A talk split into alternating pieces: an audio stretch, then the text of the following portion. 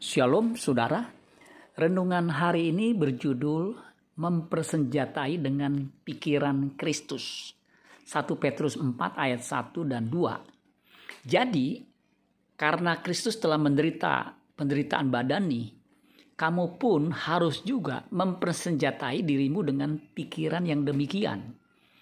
Karena barang siapa telah menderita penderitaan badani, ia telah berhenti berbuat dosa supaya waktu yang sisa jangan kamu pergunakan menurut keinginan manusia, tetapi menurut keinginan Allah.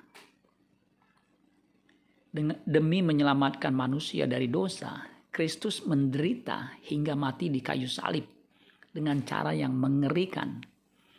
Rasul Petrus menegaskan orang percaya harus mempersenjatai dengan pikiran yang demikian kata mempersenjatai dari kata Yunani hopliso.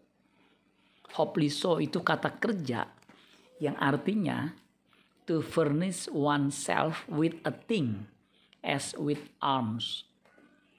Artinya melengkapi pikiran seseorang dengan sesuatu seperti dengan senjata. Seorang prajurit biasanya diperlengkapi dengan senjata supaya bisa mempertahankan diri dan menyerang musuh.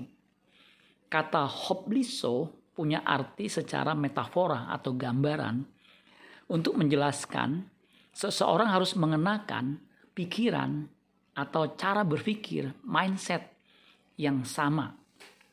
Sebagaimana yang juga dikatakan Paulus bahwa kita harus menaruh pikiran dan perasaan yang juga terdapat di dalam Kristus. Filipi 2 ayat 5 sampai 7. Jika orang percaya bersedia menderita untuk suatu kebenaran yang dipercayai, maka ia akan bisa mengalahkan dosa dan ia bisa berhenti berbuat dosa.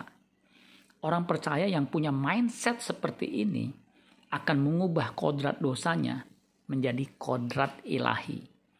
Amin buat firman Tuhan. Tuhan Yesus memberkati. Sola Gracia.